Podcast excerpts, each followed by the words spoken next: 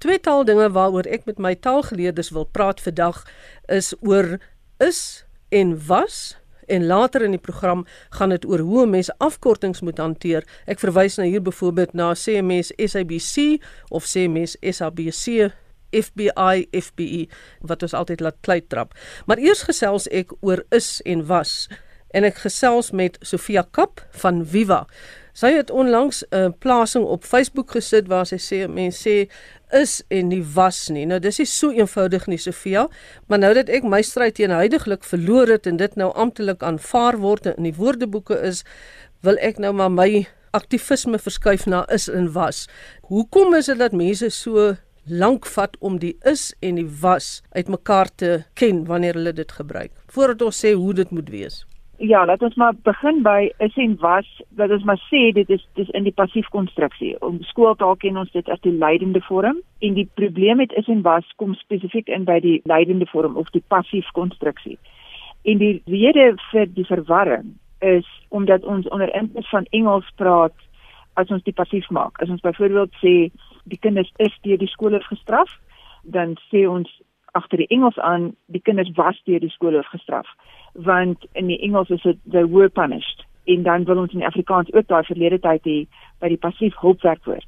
En dit is natuurlik verkeerd in Afrikaans. Die reël in Afrikaans is die teenwoordige tyd by die passief is die kinders word deur die skole gestraf en die verlede tyd is die kinders is deur die skole gestraf.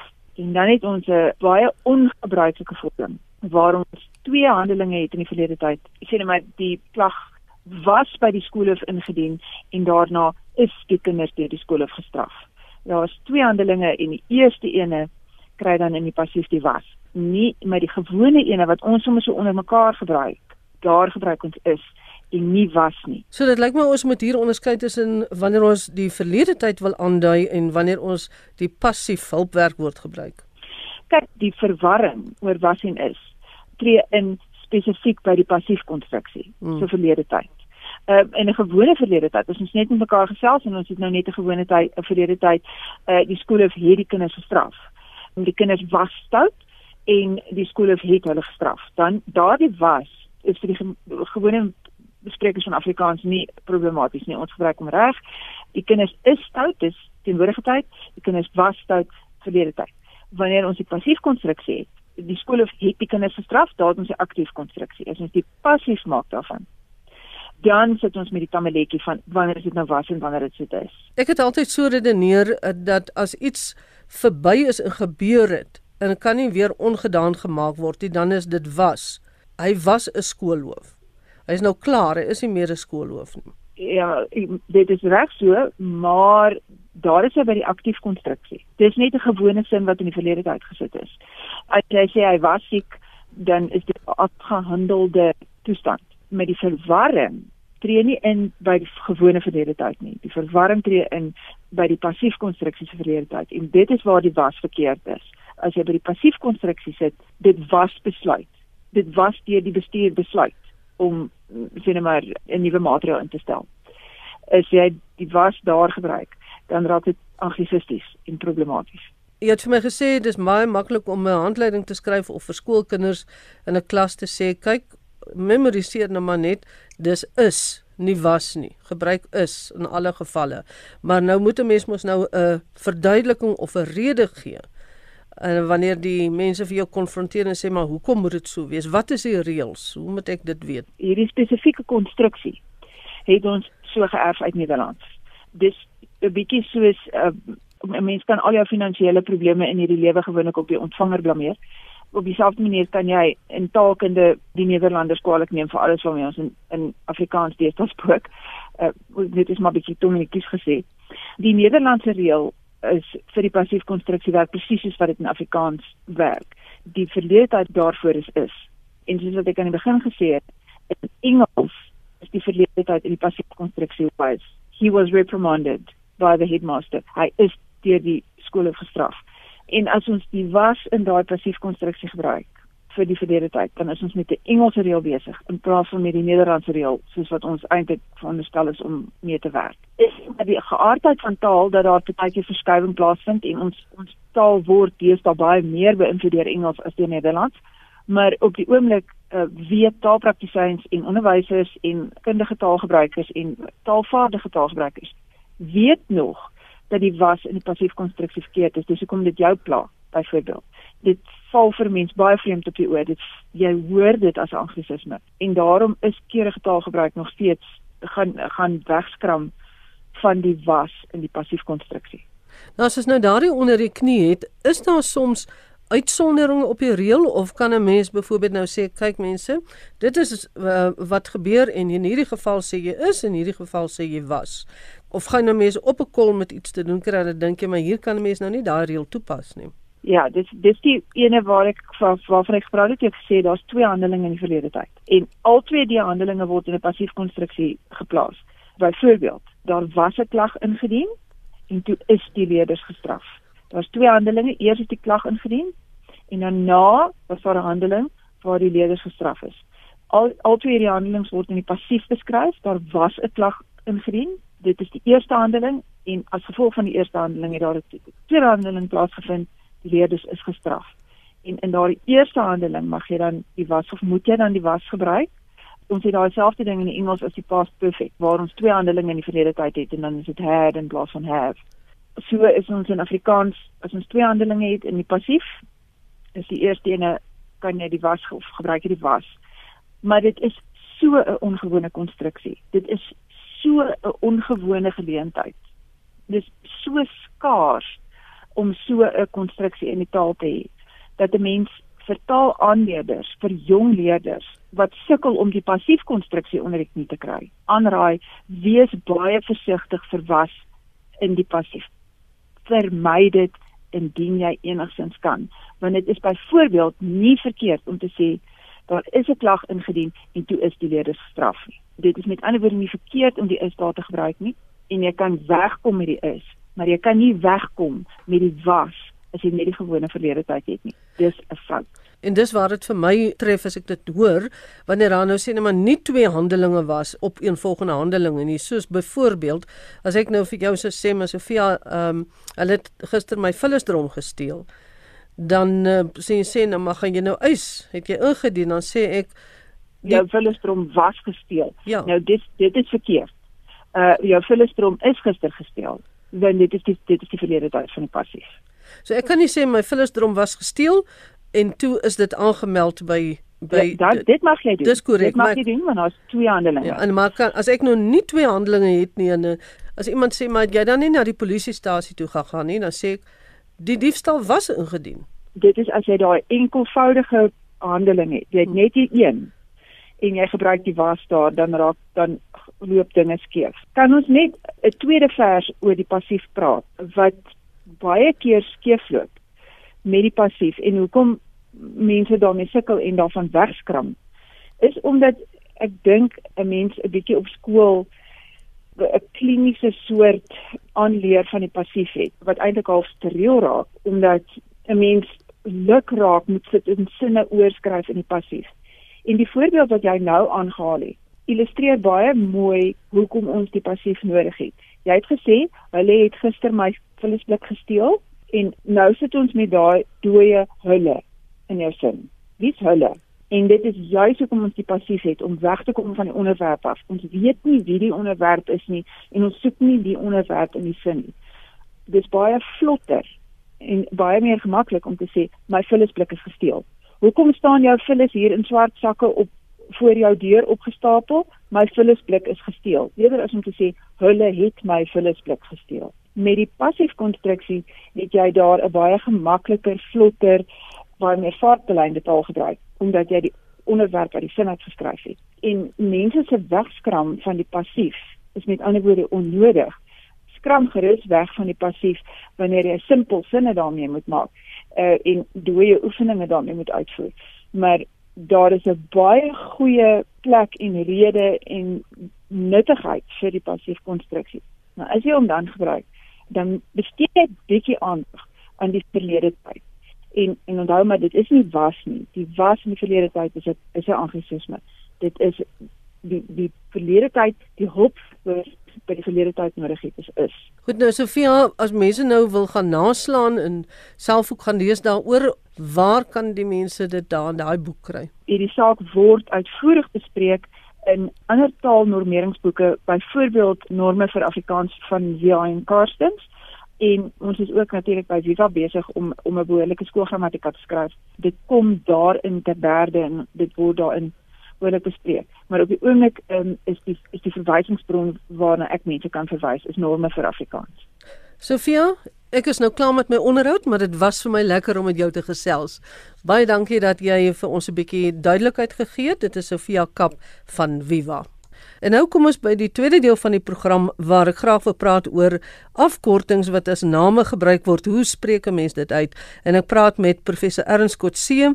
Hy is RSG se taaladviseur en is iemand op wie se knoppie ons altyd kan druk. Professor Kotse, Wat verstaan 'n mens onder die begrip afkortings voordat ons verder gaan? En hierdie afkortings beteken nou nie gewone kleinletter afkortings nie, dis woorde soos FBU of SAIK ensovoorts. Met afkortings word bedoel die verkorting van woorde en woordgroepe, jy net sekere elemente daarvan, soos byvoorbeeld die aanvangsletters te gebruik.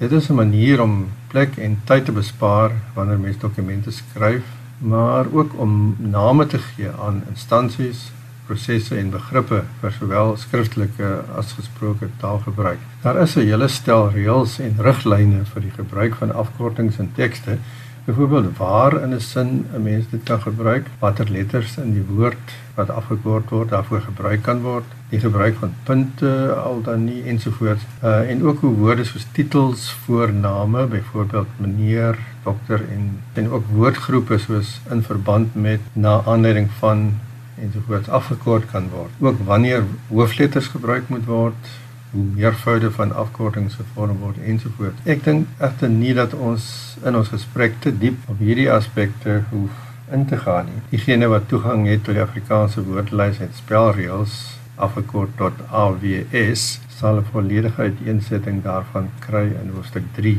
van hierdie publikasie. Ek reken dat dit vir ons gesprek vandag eerder gaan om die wyse waarop die benamings van dinge soos organisasies, kwalifikasies afgekort word en kan word en hoe dit mondelings weergegee word.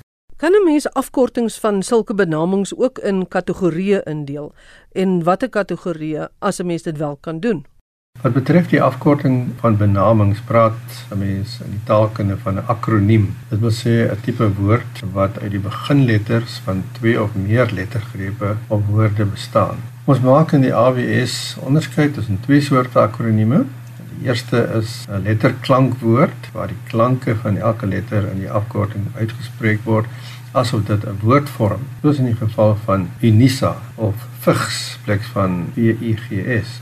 Of ook iets soos Pansat wat bestaan uit 'n volle lettergreep van plus die beginletters. Suid-Afrikaanse Taalraad. Die tweede akroniem is die sogenaamde letternaamwoord wat net uitgespreek word volgens die alfabetname van die letters soos in die geval van MRK vir die mense menseregte kommissie of NVG vir nasionale vervolgingsgesag. Nou iets wat baie in die nuus is, is die kragonderbrekings. Eskom, wat sou mense daarso doen? Die geval van die letterklankwoord Eskom het nogal 'n interessante ontstaansgeskiedenis.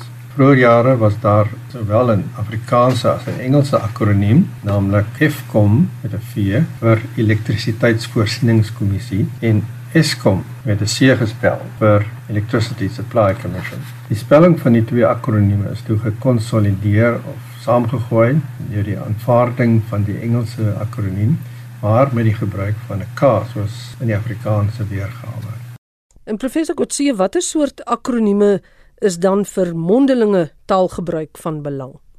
Ek dink dit is veral die benaming van entiteite soos organisasies, maatskappye en dis meer wat vir mondelinge taalgebruik van belang is. Maar byvoorbeeld ook begrippe soos kwalifikasies wat afgekort word. Ek dink hier aan die name van kwalifikasies soos PhD, MCom of BMus Een beginsel wat reeds hier duidelik word is dat lettername op die naam genoem word soos PhD, maar indien die afkorting of deel van die afkorting as 'n woord uitgespreek kan word, word dit so gedoen, soos by BMus en US. uh, of 'n geval dan soos B-mis is dis eintlik 'n gemengde of hibridiese vorm tussen 'n letternaamwoord B en 'n gedeelte naamlik 'n lettergreep van die woord self. En dan in die geval van politieke partye wat ons nou uh, aldag hoor in aanloop tot die verkiesing. Name van politieke partye word op hierdie selfde manier gehanteer soos ACDP en COPE. Soms word 'n letternaam afkorting spesifiek gekies om bykomende inhoud te gee aan die woorde waarop die afkorting gebaseer is, soos in die geval van Kongres van die Mense in Afrikaans Congress of the People of COPE waar die Engelse letternaamwoord 'n bykomende betekenis gee aan die akroniem. Dit kan selfs wees dat die letternaamwoord slegs 'n aandagwekkende funksie het, soos KISS, K I S S, keep it straight and simple, naam van 'n party wat aan die 2014 verkiesing deelgeneem het. Is akronieme nuwe woorde op hulle eie of is die verband met die woorde waaruit dit saamgestel is steeds belangrik? Alle akronieme uit watter taal dit ook al afkomstig is, word inderdaad nuwe woorde in die ontvangertaal en word dus geïnterpreteer volgens die fonologie van die taal waarin dit gebruik word. Sommige akronieme wat sê maar gebaseer is op Engelse woorde soos UNESCO word net so in ander tale gebruik. Maar dit word byvoorbeeld sê maar in Frans uitgespreek as UNESCO. Ons spreek dit ook in Afrikaans uit as UNESCO en nie UNESCO nie wat in Engels nie. Mense sou dus kon sê dat akronieme 'n eie identiteit ontwikkel, veral letterklankwoorde, ongeag die taal waarin dit ontstaan het, en dat letterklankwoorde in die opsig geneig is om voorkeur te geniet by die algemene gebruikers. Wat bedoel ek daarmee? Jan en Alleman praat byvoorbeeld in die alledaagse omgang eerder van SARS as van SAID of SAID wat die korrekte Afrikaanse akroniem is.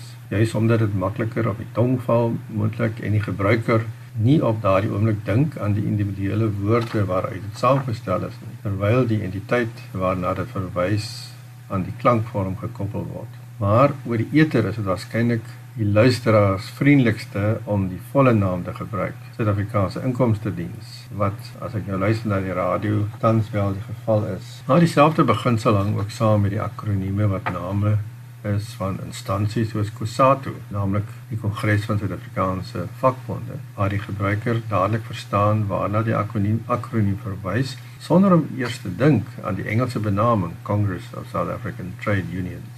En terwyl ons nou van Frans gepraat het, die naam van die Paryse aandelemarkindeks word afgekort CAC 40 van die volnaam Cotation Assistée Continue. Dit behels 'n mandjie van die 40 top aandele wat varieer. Die Franse spreek dit as 'n letterklankwoord uit, CAC 40, maar op die Afrikaanse tong val dit natuurlik nie goed nie en dus gebruik ons finansiële verslaggewers eerder die letternaam vorm CAC en vertaal natuurlik die telwoord 40 in CAC 40. So dis dan amper dieselfde as die Satrix 40, die 40 top aandele. Nou ek moet hom sê met hierdie CAC toe ek begin het by nuus, was ons maar baie versigtig geweest want ons het eintlik die Kakeron geken nie. Ons het dit sommer aan die begin gesê, kyk, en tot een van ons baase gesê het luister hierso dit mag nie in Engels uitgespreek word kyk nie. Nou ja daar het ons sommer besluit ons sê nou maar die CAC dit sommer net 'n terloopse opmerking. Gaan hierdie beginsel ook vir letternaamwoorde soos byvoorbeeld die FBI in Engels en dan die FBI op sy Afrikaans. Inderdaad niemand sou daaraan dink om ANC as ANC uit te spreek wanneer jy dit in Afrikaanse sin gebruik nie. Wat wel van belang is, is dat daar stylverskille voorkom en dat FBI 'n merker is van informele styl, net soos ID, die Engelse letternaamwoord vir identiteitsdokument, algemeen in informele kommunikasie voorkom. Natuurlik ook Amerikaanse CIS wat informeel as CIS bekend staan. Wat nou van 'n akroniem soos die SAIK en die Engelse ekwivalent? Ek wil net noem baie keer dan verwys mense mos nou maar SABC, maar wanneer ons by RSG in 'n Afrikaans verband skryf of praat, dan sê ons SAIK, Suid-Afrikaanse Uitsaai Koöperasie, maar ons gebruik eintlik maar net die afkorting SAIK. Maar professor, wat sê jy hiervan? Dieselfde beginsel geld ook hier. As die naam van 'n kanaal slegs die Engelse akroniem gebruik, word die lettername in die formele konteks steeds op Afrikaans uitgespreek. Dis SABC2 en nie SABC2. En 'n laaste een om hier af te sluit, wat van die naam van die bank Eerste Nasionale Bank teenoor First National Bank? En watter akroniem moet ons in Afrikaans gebruik? ENB of FNB? Dit is interessant genoeg die enigste van die groot banke in Suid-Afrika wat sowel 'n Engelse as Afrikaanse naam het. Blykbaar van oorsprong die oudste bank in die land, as voortsetting van die Oostelike Provinsie Bank wat reeds in 1838 in Gramstad gestig is, opgerig is. Die Afrikaanse naam is ook amptelik geregistreer en daar is wel takke in oorwegend Afrikaanstalige omgewings wat ENB as akroniem gebruik en op Wikipedia word ENB Stadion as Afrikaanse weergawe van die FNB Stadion gebruik. Ek vermoed egter dat FNB in die proses is om die weg van Afrikaans in die handelswêreld te gaan en dat FNB oorwegend gebruik word as akroniem vir Eerste Nasionale Bank. Dit is egter iets waaroor mense nie jou sonder konsultasie met die bestuur van die bank en kliënte wil uitlaat nie. Baie dankie vir die antwoorde professor Ernst Kotse, RSG se taalhelper daar uit die baai uit en baie dankie ook vir jou saamluister na taaldinge. Geniet dit in die geselskap van RSG vir die res van die dag en dan gesels ons met 'n volgende keer weer. Groetnis van my Magtleen Creer.